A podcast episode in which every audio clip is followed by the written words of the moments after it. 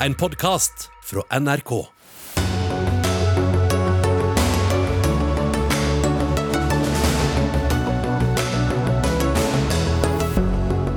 Norsk nødlandslag i fotball skal spille kamp i Østerrike.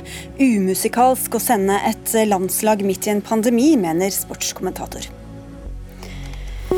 Tillitsvalgte beskylder regjeringen og Forsvaret for å snikinnføre 16 måneders førstegangstjeneste. Vi får bedre sikkerhet og mer for pengene, svarer forsvarsministeren. NRKs dramaserie Atlantic Crossing driver med historieforfalskning, sier forfatter Tor Boman Larsen. Men manusforfatteren minner ham på at det er forskjell på dokumentar og drama. Og Folkehelseministeren fra Frp lanserte satsing på røykeslutt. Frp på Stortinget skroter hele tiltaket. Partiet ødelegger for folkehelsa, kritiserer Kreftforeningen. Og dette er noen av sakene i Dagsnytt 18 på NRK P2 og NRK2. I studio Sigrid Solund. Ja, I dag ble et nødlandslag presentert av Norges Fotballforbund, NFF. Det skjer etter at det opprinnelige landslaget ble satt i karantene fordi en av spillerne testet positivt på koronasmitte. I går skulle herrelandslaget spilt mot Romania, men dette fikk de ikke lov til. Nå har NFF satt sammen et helt nytt lag som skal forsvare Norges ære i Wien om to dager. Lise Klavenes, elitedirektør i Norges Fotballforbund. Hvorfor er det så viktig å spille denne kampen mot Østerrike, at dere altså i hui og hast trommer sammen folk fra hele Europa? Eh, nei, satt opp mot liv og helse er ingenting viktig. Men eh, hvis du hadde spurt meg en vanlig dag, så er jo svaret enkelt. Dette er Nations League. Det handler om eh, potensiell plass til VM. Det handler om gruppenivået vi er på. Ikke minst handler det om store økonomiske forpliktelser. Men òg er vi en del av et internasjonalt samfunn som henger sammen. Alle andre land spiller jo fotball. Alle de andre landene gjør det, og alle er veldig bekymret for korona. Så dette er jo et lappeteppe der hvis noen begynner å trekke seg ut, så raser det fort sammen. Så dette er vårt internasjonale samfunn som vi hører til. Så konsekvensene for å ikke stille opp er veldig store. Og så blir det jo hele tiden hva, hva på bekostning av hva. Men Hvorfor er det forsvarlig, da, mener du? Nei, eh, det er jo dette, Vi står jo i en tid nå der det hele tiden er dilemmaer. Så dette er jo ikke noen statisk konklusjon med at det er forsvarlig. Men vi vurderer at det foreløpig er forsvarlig som alle andre land i Europa. Vi skal til Østerrike der det er lockdown. Vi er hjertelig velkommen til Østerrike. Og i Østerrike er òg fokuset at gud så bra at vi har en landskamp når det er så trist rundt oss. Det er det som er fokuset i sportsavisene der. Så det er jo hvor den politiske vind blåser òg, da. Så er det jo litt min oppgave, vår oppgave, å formidle og prøve å få det samme til her. For vi mener jo at dette har en verdi når ting er, er vanskelig, fordi vi kan reise på en isolert måte, avsondret fra samfunnet, der vi alene, våre tropper alene ikke utgjør noe smitterisiko. Jan Petter Saltvedt, eh, sportskommentator i NRK, hva syns du om denne beslutningen? Jeg syns at eh, det er, eh, lyder som en forsvarlig beslutning å reise ned, av den grunn at Norges Fotballforbund har holdt seg innenfor det regelverket som er. De har søkt de dispensasjonene de trenger for å samle landslaget, og så dra ned. I motsetning til hvordan det fremsto før helgen i forbindelse med Romania-kampen, hvor det inntrykket i hvert fall veldig mange satt igjen med, var et forbund som ønsket å strekke regelverk og mulige dispensasjoner kun i sin retning, i en grad eh, som føltes som de hevet seg over det regelverk og de beslutninger som gjelder for eh, folk ellers, i en eh, stadig mindre oversiktlig smittesituasjon. Klamnes. Eh, ja, eh, det, det, det, mener jeg er en uriktig påstand. og Det er jo sånn det ble seende ut for mange. og Det må vi ta til etterretning. for Det er kommunikativt og emosjonelt ganske krevende å få dette fram. Men vi fikk jo en spiller smittet, og da ble hele laget satt i smittekarantene. og Det må vi finne oss i. Selv om de andre landene som eh, er en del av Uefa ikke har det sånn, de definerer nærkontakter på en annen måte. Vi må finne oss i det. Så mente vi at vi kunne reise ut av landet uten å være i nærkontakt med hverandre, og at smittekarantenereglene dermed ikke trådte inn. og at det heller ikke utgjorde noe smittefare. Det var ikke noe strekk, det var ikke noe gråsone moralsk sett. Vi skulle ut av landet uten å være i nærkontakt. Eh, og så må vi i hvert fall bli trodd på det. Men Hvordan, hvordan kan det ikke sånn... være en smittefare med 22 spillere på bane som kommer til å få masse nærkontakt? Nei, nå snakker jeg om den. Du sier at vi bryter reglene. Nå skal vi òg spille kamp. Det syns mm. du er greit. Men det var ikke greit når vi skulle bryte reglene. Vi brøt ikke reglene, heller ikke Tøye. Det var jo en smittesituasjon eh, på fredag som ikke er til stede sånn som eh, ting er nå. Det er en forskjell. Ja, men Poenget mitt er at når smittet spiller blir tatt isolat, eller isolert, så skal resten av gruppen i smittekarantene, som innebærer to meters avstand til hverandre. Det kunne vi overholde ut av landet. Så skal vi spille fotballkamp, som vi nå skal i Østerrike òg, som du syns er greit, eh, i henhold til en protokoll som er veldig veldig streng, som er godkjent av alle andre land, som òg er veldig redd for korona. Og Så skal vi formidle dette, og jeg har full forståelse for at når det blir så tilspisset, at vi får politiske signaler som er kanskje ment å treffe bredere enn den saken. For det blir jo sånn når det blir tilspisset.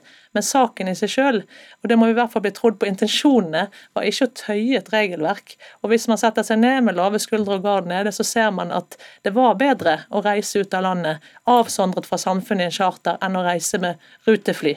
Når dere fikk så klare anbefalinger som dere gjorde fra Helsedirektoratet, eh, og dette kan Gullvåg si mer om, men på fredag, hvorfor kan dere ikke da akseptere det som er fagmyndighetenes eh, klare anbefaling på et område som tross alt, det tror jeg vi er enige om, de er satt til å forvalte i dette landet?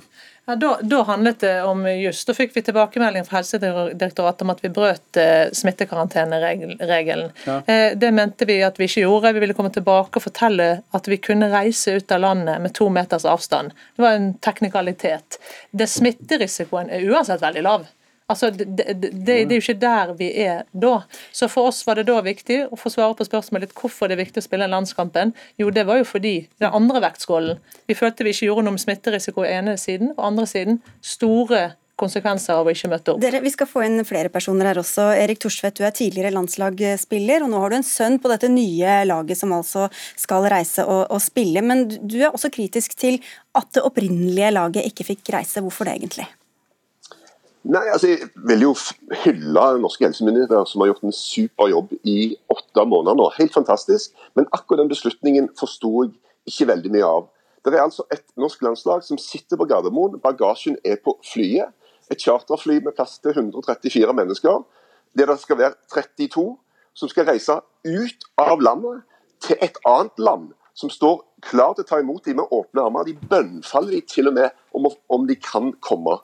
Kommuneoverlegen ga de et klarsignal til at dette kunne gå bra.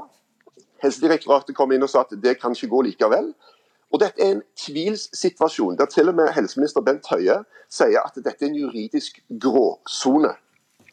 Og da tenker jeg, Hvis det var smitten de var veldig redd for, hadde det ikke vært bedre at de faktisk reiste, enn det som ble enden på visa? Å sende disse spillerne på kryss og tvers i Europa med rutefly Altså, det, det, den, den, forstår jeg bare ikke, hvordan det faktisk skal være bedre. Men de ble vel ikke sendt av gårde med rutefly? De valgte selv å reise med rutefly til sine respektive hjemland? Ja, men, de, ja, men de, de, de, må jo hjem. De har jo jobber og sånne ting. Altså, Dette er jo folk som faktisk bor i andre land. Sant? Men konsekvensen ble jo uansett at de reiste med rutefly. Etter igjen har fått tommelen opp fra kommuneoverlegen. Jeg vil høre med deg da, helsedirektør Bjørn Gullvåg. Hvor er logikken i dette egentlig, når du ser på konsekvensene av hva som faktisk skjedde? Logikken er at eh, i Norge så har vi bygget opp et system med smittekarantene.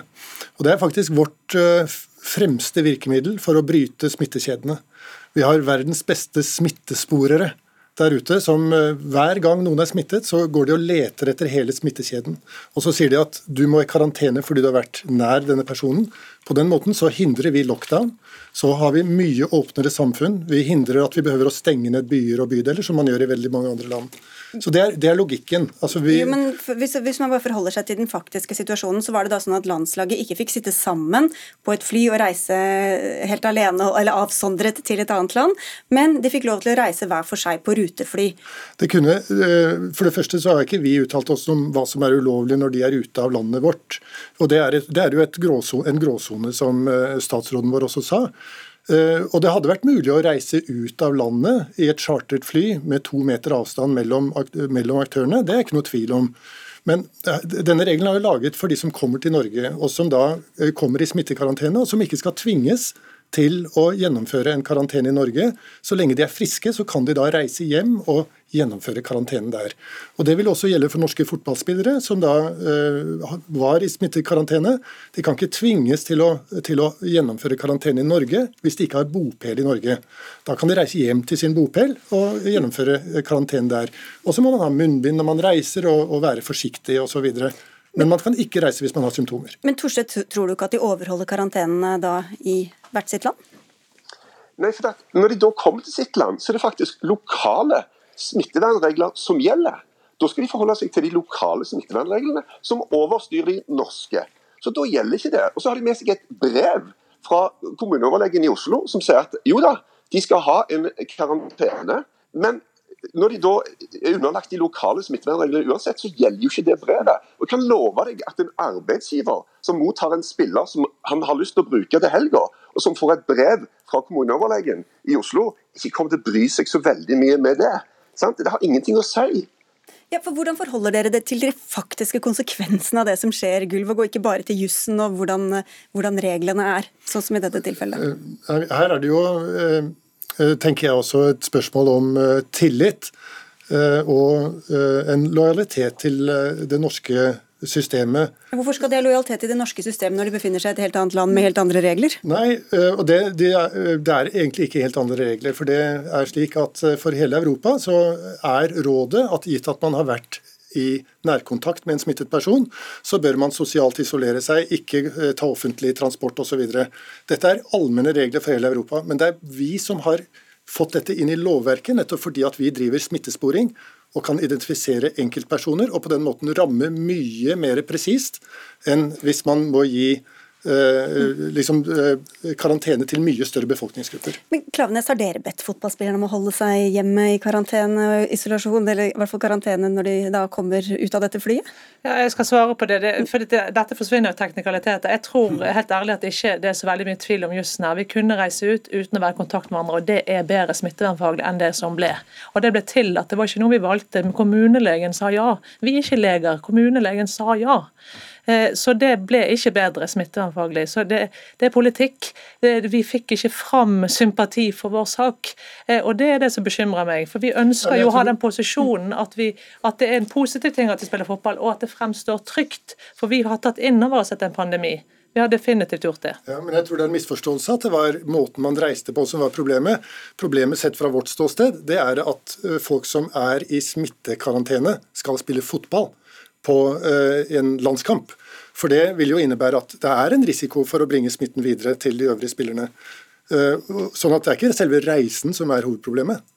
Ja, men norske regler, eh, norske myndigheter har kompetanse i Norge, og reglene har virkeområde i Norge og ikke i utlandet. Sånn som når disse spillerne drar hjem nå, så vil jo de måtte følge reglene for nærkontakt i sitt land.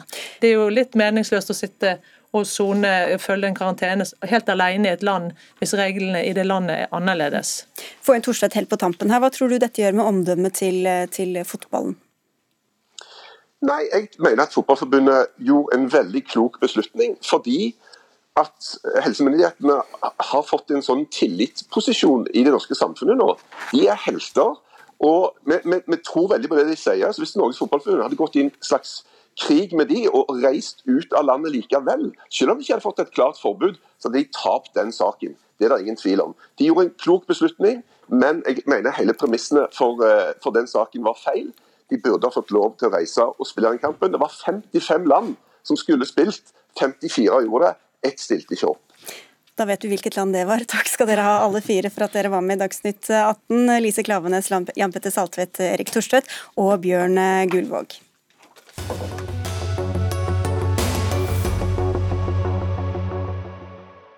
Og Straks skal det handle om eksamen til våren eller ei, men vi tar med her i farta at Frp og regjeringen er blitt enige med, om en ny koronakrisepakke, som de har forhandlet om siden forrige uke, da regjeringen la fram denne pakka på totalt 17,7 milliarder kroner. Den skal hjelpe kommune og næringsliv å takle de strenge koronatiltakene som ble innført nå i høst. De skal ha en pressekonferanse om denne avtalen klokka 19, så du rekker å se og høre hele Dagsnytt 18 før eh, den tid. Men inntil videre kan du lese mer på nrk.no. Men i samme lei. Både for elever og i grunnskolen og på videregående så blir det eksamen til våren. Til tross for økende smitte, spesielt blant ungdommer, noe som innebærer mindre normal skolegang for mange. Fra og med i morgen blir det også innført rødt nivå på alle ungdomsskolene i Oslo. Kunnskap- og integreringsminister eh, Guri Melby, i våres ble alle skriftlige eksamener eh, på grunnskolen og videregående skole avlyst. Da sa du her i Dagsnytt 18 at det var vanskelig å gjennomføre eksamen etter smittevernfaglige råd. Hva er det som er så annerledes nå? Forskjellen er at i vår så hadde vi veldig kort tid på oss fra egentlig pandemien kom og fra vi stengte skolene til vi måtte ta en beslutning om hva vi skulle gjøre med eksamen til våren. Eksamen begynner jo i midten av april egentlig, og vi stengte jo skolene 13. mars. Eh, og på den korte tida så måtte vi gjøre noen tøffe prioriteringer. Da fant vi ut at vi ville prioritere privatistene, som måtte ha eksamen for å kunne få det vitnemålet de trenger for å komme seg videre i livet, mens elever som går vanlig videregående og ungdomsskole, må ikke ha eksamen for å komme seg videre, og da fant vi ut at da kunne vi avlyse den. Nå er vi i en sånn situasjon at vi har fortsatt ganske god tid. Vi har god tid til å planlegge eksamen, og vi mener derfor det er ingen grunn til å avlyse eksamen på dette tidspunktet, og at veldig mye taler for at det vil være mulig å gjennomføre eksamen. Men det er kritiske røster andre dere i Elevorganisasjonen, hvor du er leder, Kristin Schultz. Hva syns du om at eksamene da i hvert fall nå ser ut til å gå som planlagt? Eh, for oss er det viktig å huske på at det er ikke smittevern som er grunnen til at vi mener at eksamen burde avlyses. Vi ser veldig godt at det er mulig å gjennomføre eksamen på en smittevennlig måte. Men med dagens situasjon så får vi mange tilbakemeldinger fra elever på at de ikke får et fullverdig opplæringstilbud. Vi ser at det er økt bruk av fjernundervisning, som vi vet ikke er like bra som fysisk undervisning. I tillegg så øker sykefraværet drastisk. I Oslo for eksempel, så har fraværet på tvers av byen økt med 42% og det til tross for at flere rektorer melder om underrapportering av fravær. Så mange elever mister eh, mye undervisning og har måttet vært hjemme til tross for at skolen har vært åpen. Og Dette går veldig mye på bekostning av elevene sitt læringsutbytte. Og Når man da attpåtil må bruke tida til undervisning på eksamensforberedelser, heller enn på å lage opplegg som elevene faktisk lærer av, eh, så frykter vi at man mister mye tid til læring. Hvis vi tar det første poenget her først, Melby. Hvor rettferdig blir det å gjennomføre eksamen etter et så spesielt år? Vi har vært veldig opptatt av at elever skal ha et så fullverdig opplæringstilbud som det er mulig å gi, selv om vi er en pandemi. Og Det er jo en av grunnene til at vi har vært så tydelige på at det skal mye til før man går over på rødt nivå på skolene, og det skal mye til før man går over til full hjemmeundervisning. Eh, så de aller fleste elever i dag har jo stort sett vært på skolen, både på ungdomsskolen og videregående. Og selv om det noen steder nå er høyt smittetrykk og vi har gått ned over på rødt nivå, så har da de aller, aller fleste en kombinasjon av hjemmeskole og oppmøte på skolen. Og Litt av grunnen til at jeg synes det er viktig at vi opprettholder eksamen, er jo nettopp for å være tydelig på at vi forventer faktisk et fullverdig opplæringstilbud. Et tilbud som gjør at, eksamen, at elevene blir godt forberedt til eksamen også til våren. Men Føler du deg så trygg på at det, at det er så fullverdig på alle de eh, skolene at det, blir, eh, at det, blir, sant, på en måte, det som kommer fram på, på en sånn eh, eksamen? Jeg mener i hvert fall ikke det er noen grunn til at vi nå, 16.11.2020, skal avlyse eksamen til våren. Nå er det sånn at det er vel eh, en og halv uke siden vi gikk over til rødt nivå på videregående. De aller aller fleste har hatt en relativt normal høst, selv om det har vært mer fravær. Vi har også vært tydelige på hva som er elevenes rettigheter i situasjoner med hjemmeskole og med fravær. og Det som egentlig er viktig for meg her, er nettopp elevenes rettigheter til å få fullverdig undervisning. Og så tror jeg vi heller ikke skal stikke under en stol at altså selv om mange elever har indre motivasjon for å lære mye, så tror jeg også at det å stille krav, da, sånn som eksamen, krav til å ikke ha for høyt fravær, det er også viktig for mange elever for å sikre at man da holder motivasjonen oppe. og Derfor så mener jeg at eksamen er kanskje enda viktigere denne våren enn det er i et vanlig år. Schultz? For det første så ønsker jeg å ta tak i dette med motivasjon. For jeg syns egentlig at det viser litt lite tillit til elevene. Når man tror at elevene sin eneste motivasjon er det å prestere på eksamen, heller enn det å faktisk lære. Du sa ikke at det var den eneste motivasjonen, men at det var Nei, en av men, motivasjonene. Ja, men vi så jo i vår da eksamen ble avlyst at karakterene til elevene gikk opp, og de lærte faktisk mer. Og man har jo allerede mange vurderingssituasjoner i skolen, så vi tror tvert imot at det å avlyse eksamen i dagens situasjon vil gjøre det mer motiverende for elevene. For da i stedet for å fokusere på eksamensstress og pugging, som man må i dag for å forberede elevene til den prøven, så kan man heller lage opplegg som elevene lærer mest av, og tilpasse de til situasjonen. For det er utrolig varierende, ikke bare fra skole til skole, men fra lærer til lærer og elev til elev, ut ifra at man må være hjemme pga. sykdom og lignende. Men du var jo redd for at man skulle kaste bort mye, eller bruke veldig mye tid på på å holde på med eksamener, men er det ikke vel så tidskrevende å holde på med så mye tilrettelagt? Altså, dere er jo også imot eksamen til vanlig, eh, og, og mappevurderinger osv. som det dere ønsker eh, som alternativ? Ja, eh, og det skal sies at Hadde dette vært et ordinært år, så hadde kanskje debatten heller gått på hvordan sluttvurderinga burde være.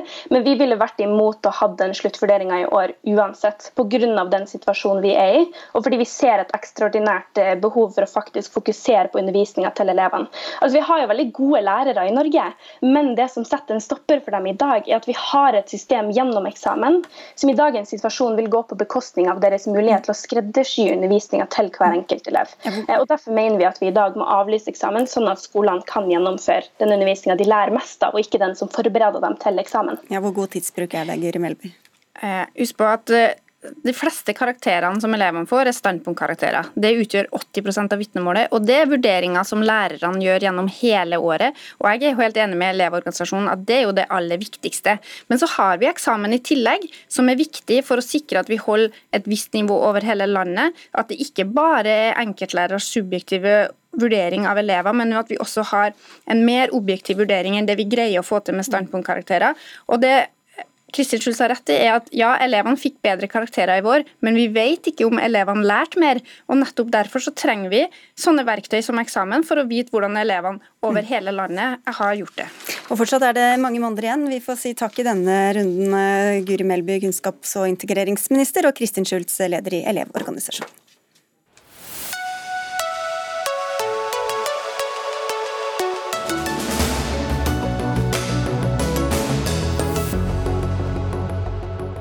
Driver NRK-serien Atlantic Crossing med historieforfalskning, spør vi om eh, litt seinere her i Dagsnytt 18. Men nå. Tillitsvalgte i eh, Forsvaret mener regjeringa lurer inn 16 måneder førstegangstjeneste i det skjulte, i stedet for dagens 12 måneder.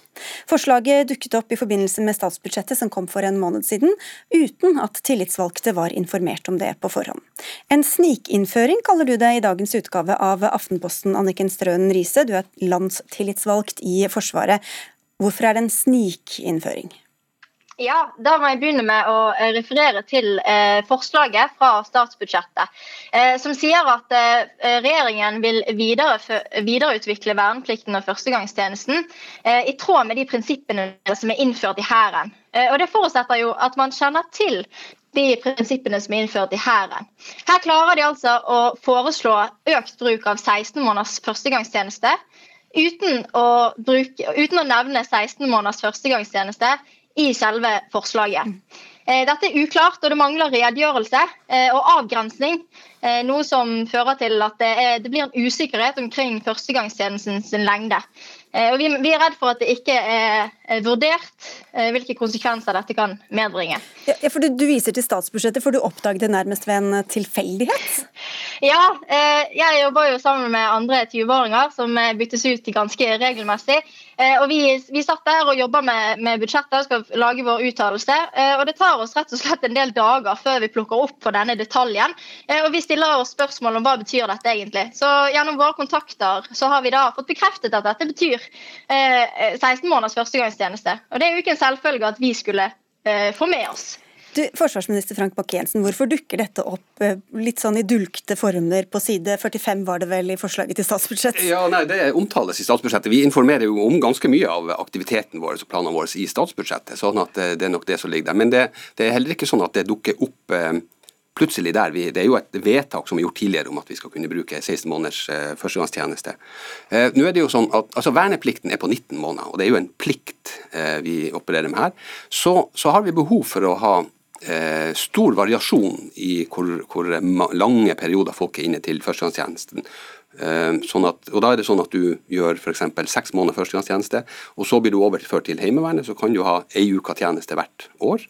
Eller så kan du ha 12 måneder, så kan du ha noen eh, rep-øvelser som du har det, eller 16 måneder. Men, Men, hva er det mest normale i dag, da? Ja, Det mest normale i dag er 12 måneder, mm. uh, og, og, og, det er ikke så veldig mange det gjelder 16 måneder for. Men vi, vi har behov for det rett og slett for at uh, vi har noen stillinger der det er lang opplæring, kompliserte jobber, og der vi vil gjerne benytte den kompetansen litt lenger. Men Betyr det at du er fornøyd med hvordan dette ble kommunisert klart og tydelig utover, eller? Nei, vet du. Uh, for det første, så, og det her, det her, mener jeg av hjertet, for det første så har vi verdens beste eh, førstegangstjeneste, eh, vernepliktige, og vi har verdens beste tillitsmannsordning. Så når tillitsmannsordninga er misfornøyd med hvordan vi har kommunisert det, så har vi en jobb å gjøre. Sånn at jeg har ikke noe problem med å ta ta kritikk for hvis det, hvis det har vært eh, kommunisert for, eh, for dårlig. Og så er det her en, ei, ei, altså førstegangstjenesten en ordning som vi kommer til å bruke mer. Vi skal ha flere unge, og da er vi avhengig også å utvikle både førstegangstjenesten, men også informasjon rundt den for de unge. Til selve innholdet her, da, Riise. Hva synes du om det hvis det nå blir sånn at, eh, at 16 måneder blir det gjengs? Ja, det, Da reagerer jeg først på det statsråden nevner om at dette her har vi et vedtak på tidligere. Da refererer du vel kanskje til eh, den proposisjonen som kom i 2017, som omhandlet Hæren og Heimevernet. Det gjaldt altså bare eh, de, og ikke resten av Forsvaret. Jeg reagerer på at det var, det var gjort et grundig arbeid der, eh, hvor disse forslagene kom frem. Men at nå, når, vi, eh, for, når, det blir foreslått for resten av Forsvaret, så kommer det i en subtil bisetning her. Eh, jeg vil også kommentere på at vi har eh, det som statsråden nevner med, med at vi har eh, soldater som gjør annet i elleve måneder. Det er riktig. I, i sjø- og luftforsvaret, sin tolv måneders tjeneste, de kommer på rekruttskolen på Madla. Eh, og I løpet av rekruttskolen så får eh, soldatene informasjon om de forskjellige tjenestelengdene. altså de, de forskjellige stillingene. Eh, da er det noen stillinger som også er over tolv måneder, hvor de som er interessert, kan melde sin interesse, og så bli fordelt deretter. Det gir Forsvaret gode skussmål for fordeling, og, og så gir det soldatene en form for medbestemmelse. Det er denne ordningen vi i tillitsvalgtordningen mener at må videreutvikles, heller enn at det skal påføres tvang. Ja, litt hakkete her, Bak Bakke-Jensen, men du hørte essensen. Hvorfor kan man ikke ja. ha dette som en frivillig ordning for de som trives og som passer bra inn? Ja, Vi kan nok, eh, vi kan nok se på og ha stor grad av frivillighet på det, men det er nok også viktig for Forsvaret at vi skal kunne velge. Det handler også om egnethet og hvilken type personell vi trenger til forskjellige stillinger. sånn at Jeg vil nok holde på at vi, eh, vi skal kunne ha det som, ei, som en, en, del av, av førstegangstjenesten, verneplikten, og at, at, Forsvaret skal bestemme det. Og Så har jeg også snakka med forsvarssjefen i dag om, om ordninga og, og er, Vi er enige om at her skal være fullt mulig å, å, å bygge stor grad av frivillighet rundt det. Eh, det er veldig populært eh, i dag å være inne til førstegangstjeneste, og det er veldig mange som, som har tolv måneder, og så søker de frivillig seks måneder til. Sånn at vi, vi, Jeg tror vi skal klare i stort å unngå å tvinge noen til å, til å være der i, i 16 måneder, men, men, men, det er litt viktig at vi har i bunnen har at verneplikt er en plikt. Og det er også sånn at Forsvaret har behov for å kunne velge det riktige personellet til riktige stillinger. Men da kommer det jo også en del innvendinger også gjennom Aftenposten i dag. Et, et år, det er et skoleår eller så lenge du kan være permittert eller borte fra jobben f.eks. 16 måneder, eh, det er litt annerledes. Da går det kanskje enda et år tapt fra studiene. Hvor godt egnet er det for, for folk som skal ut i førstegangstjeneste å være borte så lenge? Nei, det er jo eh, det er mange måter å, å måle det på. Når vi ser på hvor mange som har lyst til å være med på eh, på 16 måneder, og hvor mange som, som søker 6 måneder ekstra og tar 18 måneder førstegangstjeneste. Men er ikke det litt forskjell om du søker deg selv, eller om du bare blir tvunget inn i det? Jo, men derfor sier jeg jeg tror vi skal klare oss, også, samtidig som vi har en rett til å, til å beordre 16 måneder førstegangstjeneste, så skal vi også kunne eh, gjøre det i stor grad av frivillighet for at uh, vi skal kunne plukke folk som er positive. Men vi er avhengig av, å kunne plukke på, på kompetanse og, og evner, egenskaper okay. også. Helt kort, Riise. Ja, ja, her mener jeg at vi, vi går feil ut. Dette er en baklengs løsning. Eh, jeg mener at eh, en, en, en, slags tvang det kommer til å eh, skyve folk vekk fra å ville gjøre tjeneste. Vi kommer til å miste kompetent personell som potensielt kunne, hatt, kunne blitt rekruttert etter noen uker i, i rekruttskolen, og de finner ut at dette var noe for dem. Så her mener jeg at vi må vise tillit til de, de flinke og motiverte soldatene vi har i dag, og pleie verneplikten som den er i dag, og, og legge til rette for frivillighet heller enn å bruke tvang.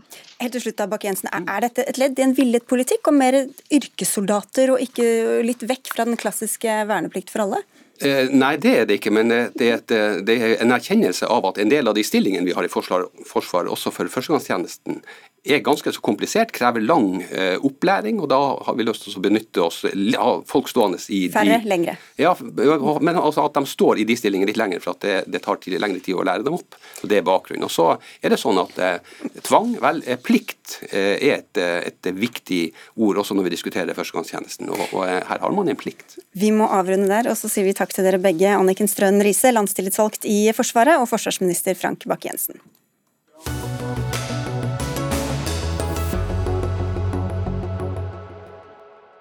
Skal vi skue litt inn i vår egen navle her. Bør Norsk Journalistlag åpne opp for medlemskap for dem som lager betalt innhold og tekstreklame? Ja, ifølge et utvalg som har sett på saken, men ikke alle utvalgsmedlemmene er enig i dette, skriver Medier24. En av dem skal vi høre straks, men først Kristian Sørjær, du er Aftenposten-journalist og leder av dette NJ, altså Norsk Journalistlag-utvalget. Hva er det de driver med, dem som eh, dere ønsker å inkludere, men som i dag ikke kan være medlem av Norsk Journalistlag? Det kan være flere ulike grupper. Det er store grupper som f.eks. jobber med systemutvikling, IT, algoritmeprogrammering. Det er kontorpersonell. Og det kan være det som kalles content marketing, altså de som lager innholdsreklame. Ja, Som ser litt ut som vanlig journalistikk, men som er betalt. Ja, som er rett og slett betalte annonser som forteller eh, heller enn å bare vise fram produkter. Jens Kiel, leder av Bergen Journalistlag, kommentator i Bergens Tidende. Du har også sittet i dette utvalget, men kom altså til en helt annen konklusjon. Hvorfor det? Nei, Nå skal vi lage en bedre og sterkere fagforening for alle de gruppene som Støre her var innom. Fotografer, frilansere, utviklere, researchere, IT-folk. Masse folk.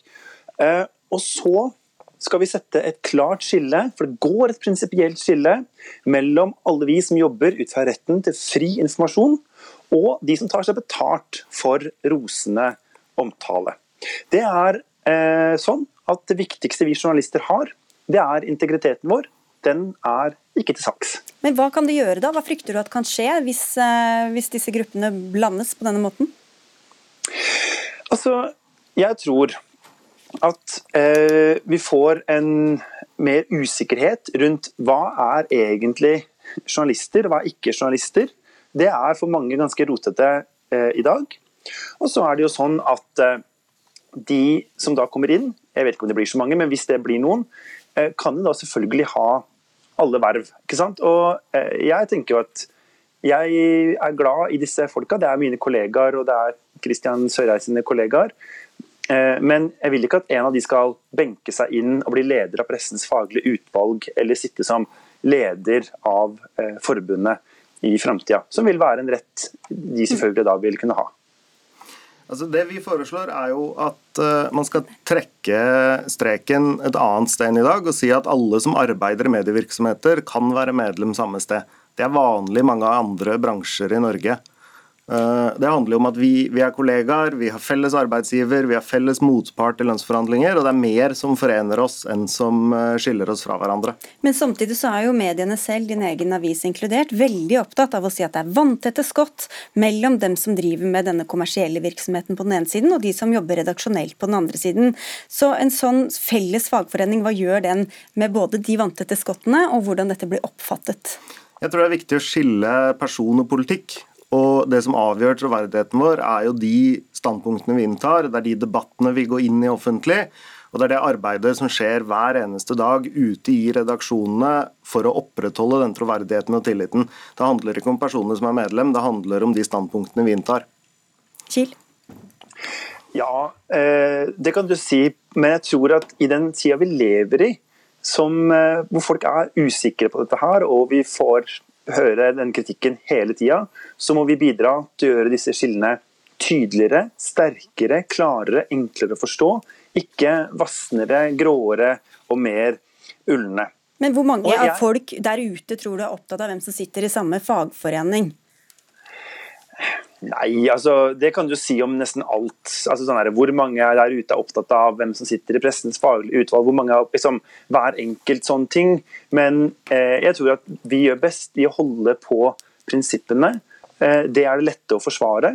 Og så kan heller de som på en måte vil eh, misforstå med vilje og sånt noe, leite etter feil og mangler hos oss journalister. De er det jo som kjent eh, mange av, altså feilene. Og, og så får vi gjøre vårt beste for å likevel holde stien vår eh, rein. Mm. Så tenker jeg at det er bedre at vi samarbeider eh, på tvers av fagforeningene på arbeidsplassene. Eh, og mange de siste uka har jo tatt kontakt med meg og sagt jeg jobber ikke som journalist, jeg jobber med å skrive på vegne av bedrifter og selskaper. Og det er viktig at dere som er journalister holder på det skillet og ikke blander oss inn. Og Det tenker jeg er et synspunkt som er eh, verdifullt å ta med seg. Det er viktig å holde på det skillet. og det er derfor også vi har foreslått å trekke skillet ved mediehusene. Vi foreslår ikke at noen utenfor skal slippes inn. Men, men, jeg tror det er viktig å se at Journalistlaget er ikke alene om å holde fanen høyt for en uavhengig journalistikk. Det er en lang rekke institusjoner i Norge som gjør det. Journalistlaget gjør det, Presseforbundet gjør det, Redaktørforeningen gjør det, eh, Pressens faglige utvalg gjør det, det enkelte mediehus gjør det, den enkelte redaktør, mange av eierne osv. Så, videre. så jeg tror ikke det er noen stor fare for noen sånn utglidning. Jeg tror at det kan styrke oss som fagforening å ta inn flere. Ja, hvordan da? Bare for at man får flere medlemmer og blir en rikere organisasjon, da, eller? Ikke nødvendigvis en rikere organisasjon, men ved at vi, vi står sterkere, ville stått sterkere i en forhandlingssituasjon, i en lønnssituasjon. Vi det er mye som forener oss. Du har grupper i dag som jobber, lager systemene. Alle vi jobber med, som sitter og jobber parallelt både for kommersiell side og for redaksjonene. Eh, og de kan ikke være medlem i dag. Mm. Du melder deg ikke ut, Jens Kiel, hvis du får eh, noen tekstreklamekolleger inn i gruppa? Nei, er sånn det er ikke det vi snakker om her. Det vi snakker om nå, er å lage en bedre fagforening, ikke en eh, dårligere. Og da må vi gjøre som jeg sier, og ikke som Kristian sier. Ferdig med det. da lar vi det bli siste ord. Takk skal dere ha begge to. Jens Kiel med fra Bergen og Kristian Sørjær, journalist i Aftenposten og leder av dette utvalget, altså.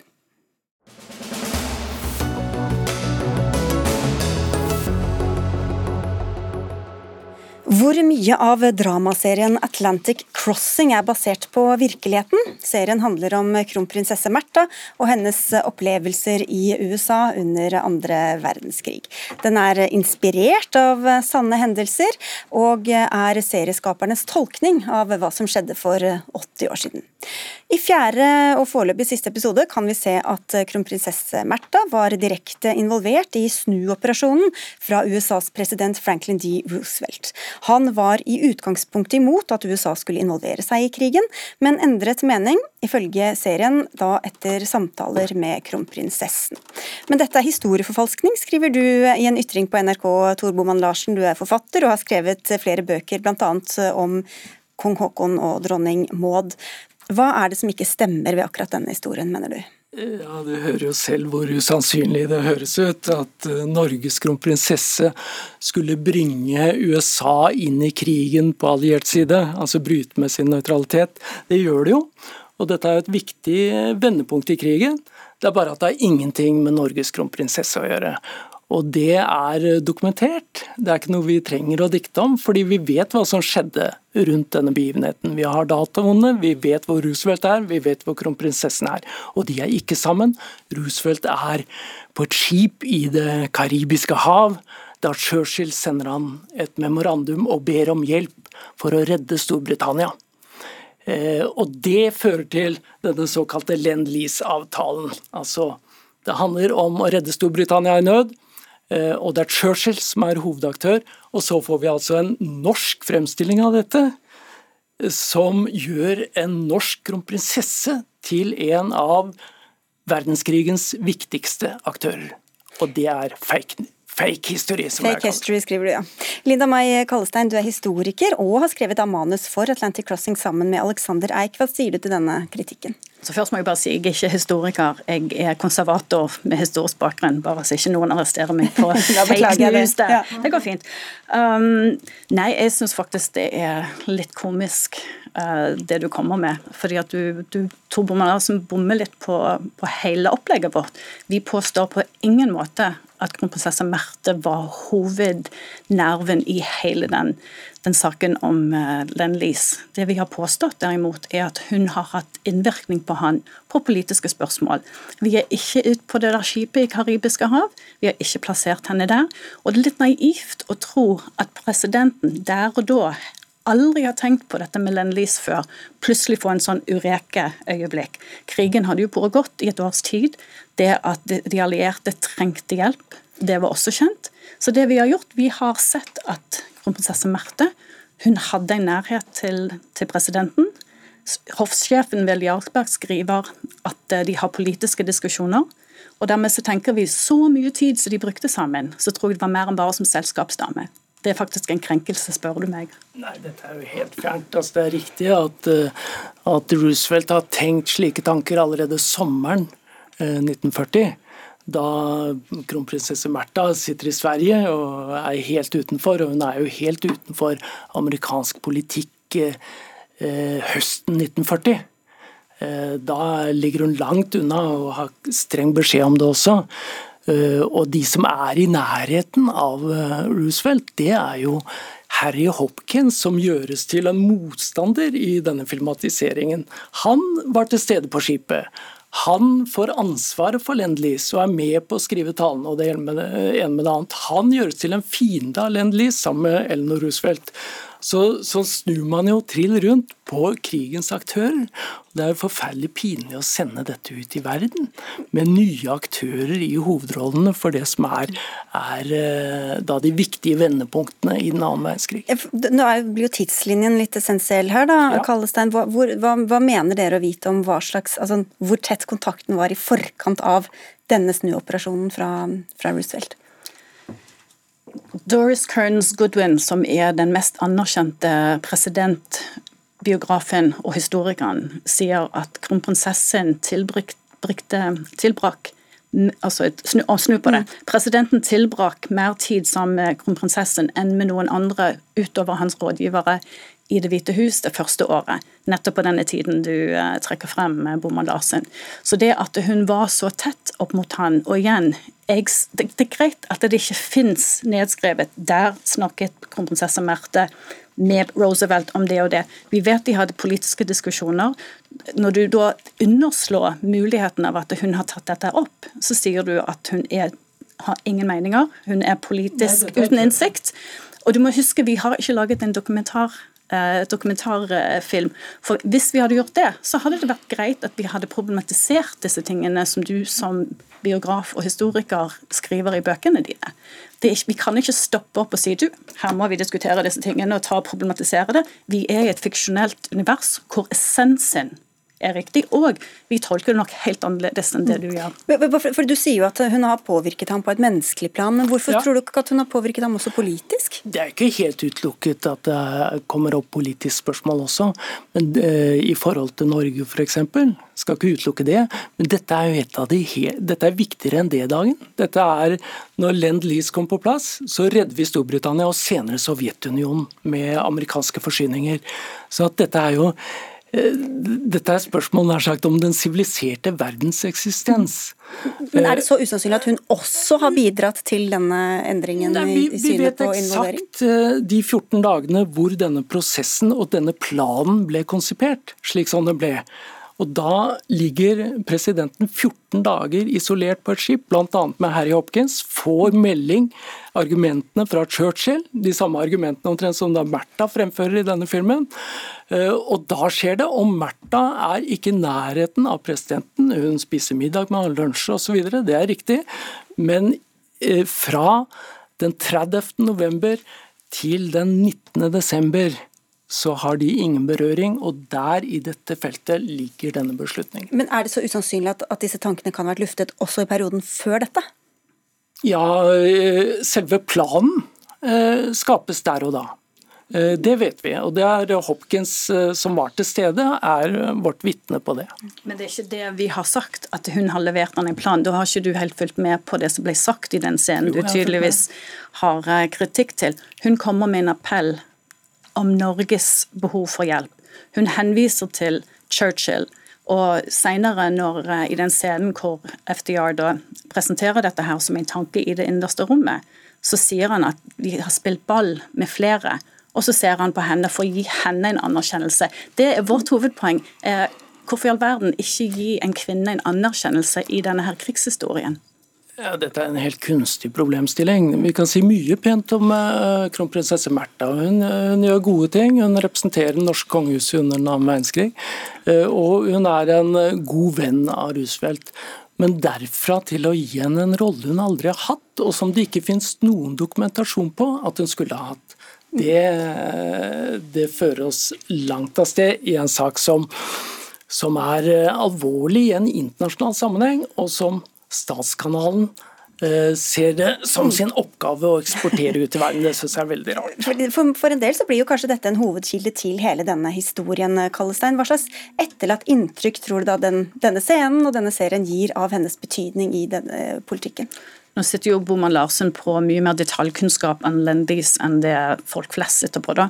Det er Vårt poeng er at hun var med og påvirket han politisk, og det var jo en viktig sak hvor hun bl.a. sannsynligvis har snakket med han om når det gjelder Norges behov for hjelp, og da de alliertes behov for hjelp. Det jeg syns er fint er i sånne diskusjoner med at du løfter dette her frem, Boman Larsen, er at folk kan bli gjerne litt mer nysgjerrig på den større historiske konteksten vi ikke rekker å gjøre i en fiksjonshistorie. Så vi er med på å, å løfte en sak, men det viktigste for oss er å se på de fragmenter som finnes av historisk dokumentasjon, og så tolker vi det nøyaktig sånn som du òg gjør. For all historieformidling er tolkning, uansett hvordan du vrir denne på det. Og det er ikke noe dokumentar, lar Larsen, dette her? Nei, og det kan man jo alltid dekke seg bak, men hele tiden så snakker man om en ekstrem research. Man, øh, man tolker og ligger så tett på sannheten som mulig. Nei, man ignorerer sannheten og lager en helt annen story, og man gjør det med åpne øyne. Og jeg har følt som en plikt å si ifra, fordi det er riktig at akkurat denne saken er ikke kjent hos norske seere. Vi kjenner D-dagen og Pearl Harbor, men dette veldig viktige politisk-juridiske feltet, det kjenner ikke menigmann, og man tror ok, det var Märtha som sto bak. Og det kommer jo tydelig frem når man ser episoden. Uh, blir nevnt og det med noe annet, men det er jo Märtha som spiller hovedrollen, er drivkraften i dette her. Og kommer med hovedargumentet om at Skaugum brant.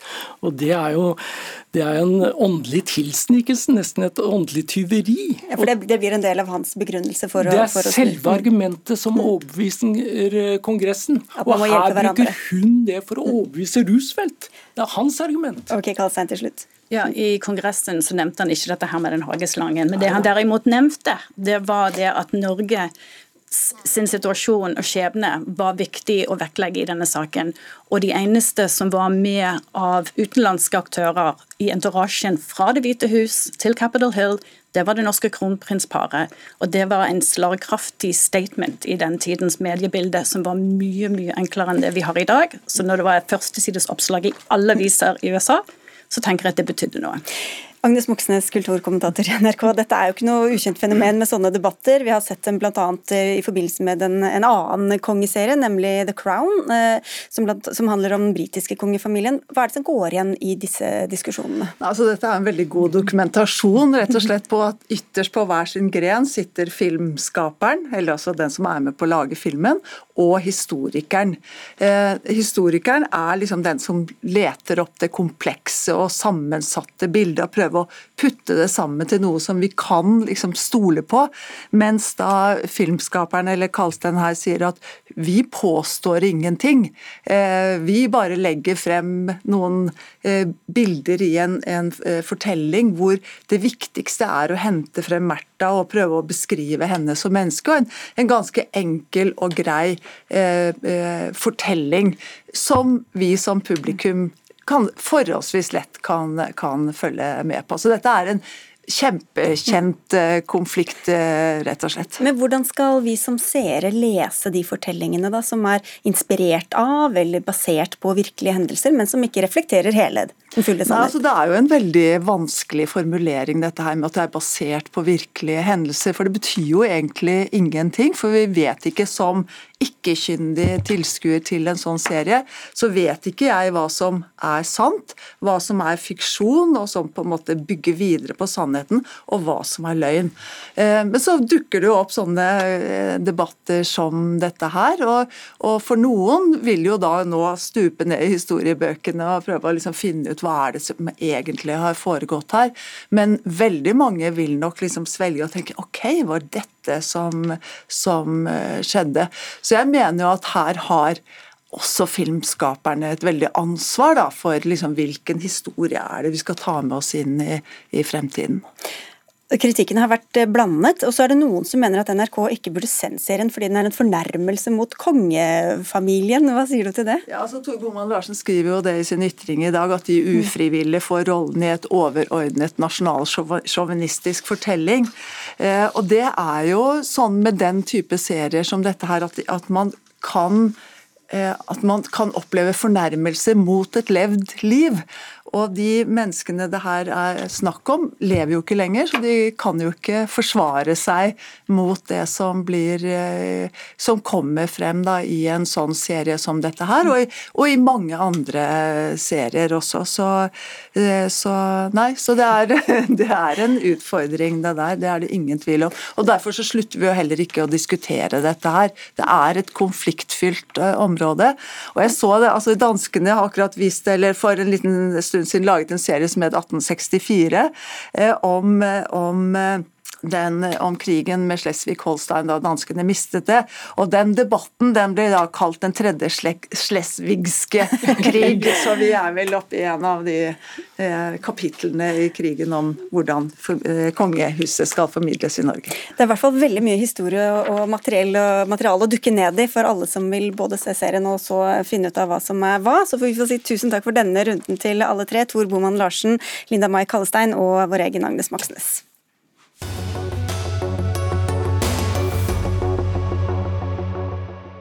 Fremskrittspartiets alternative statsbudsjett er et hardt slag mot folkehelsa, mener Kreftforeningen.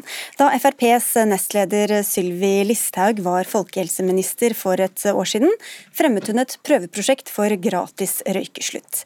Satsingen får 10 millioner kroner på regjeringas forslag til statsbudsjett for neste år, men samarbeidspartiet Frp fjerner hele tiltaket i sitt alternative budsjett. Og det reagerer dere på, Ingrid Stensavold Ross, du er generalsekretær i Kreftforeningen. Kreftforeningen. Hva er det ved dette tiltaket som er så bra for folkehelsen? Ja, så først så vil jeg si at det er sånn at Én av tre krefttilfeller kan forebygges. og Vi er nødt til å gjøre det vi kan for å forebygge dem. Og Røykeslutt det er et sinnssykt viktig tiltak. Og her er det jo sånn at Kombinasjonen av eh, veiledning og gratis røykesluttpreparat det virker. Regjeringen har sett i Danmark. Der sluttet halvparten av de røykerne som var med, og de var røykfrie seks måneder etter. Eh, og Dette er et tiltak som vil bety mye for folkehelsen, og derfor er det skuffende at ikke Frp går for det tiltaket. Og Nå sitter de jo og skal diskutere budsjettet. Hva, hvis det blir kutt da, i dette tiltaket, hva frykter du kan skje? Ja, så Vi har jo lenge etterspurt at man skal gjøre mer for å hjelpe røykerne. I Kreftforeningen så snakker vi ofte med røykere som ønsker å slutte. Det er ikke det at folk ikke vil, de får det ikke til. 70% av røykerne vil slutte. De trenger hjelp, og den viktigste hjelpen de kan få, er denne kombinasjonen av veiledning og gratis røyksluttpreparater. Og Det skulle vi virkelig ønske at man nå prioriterte. Åshild Brun Gundersen, medlem av helse- og omsorgskomiteen på Stortinget for eh, Fremskrittspartiet. Som jeg sa, I fjor sa altså Sylvi Listhaug at dette var veldig bra. Hva er det som har skjedd i løpet av året som gjør at det ikke er veldig bra lenger?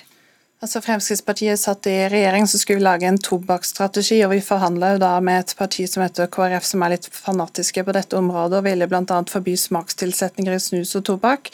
Det kunne ikke Fremskrittspartiet akseptere, så det ble en del av den pakka hvor det, KrF da fikk gjennomslag for et røykeslutt. Så det var ikke veldig bra likevel? Eh, da. Og det, og det er et bra prosjekt, men det er jo ikke sikkert at vi skal Eh, bruke alle skattebetalernes penger på akkurat dette med røykesluttprogrammer. fordi det lønner seg jo for hver enkelt å slutte å røyke. Røyke er veldig dyrt, så man får finansiert røykesluttprosjektet ganske fort eh, hvis man ønsker å gjøre det.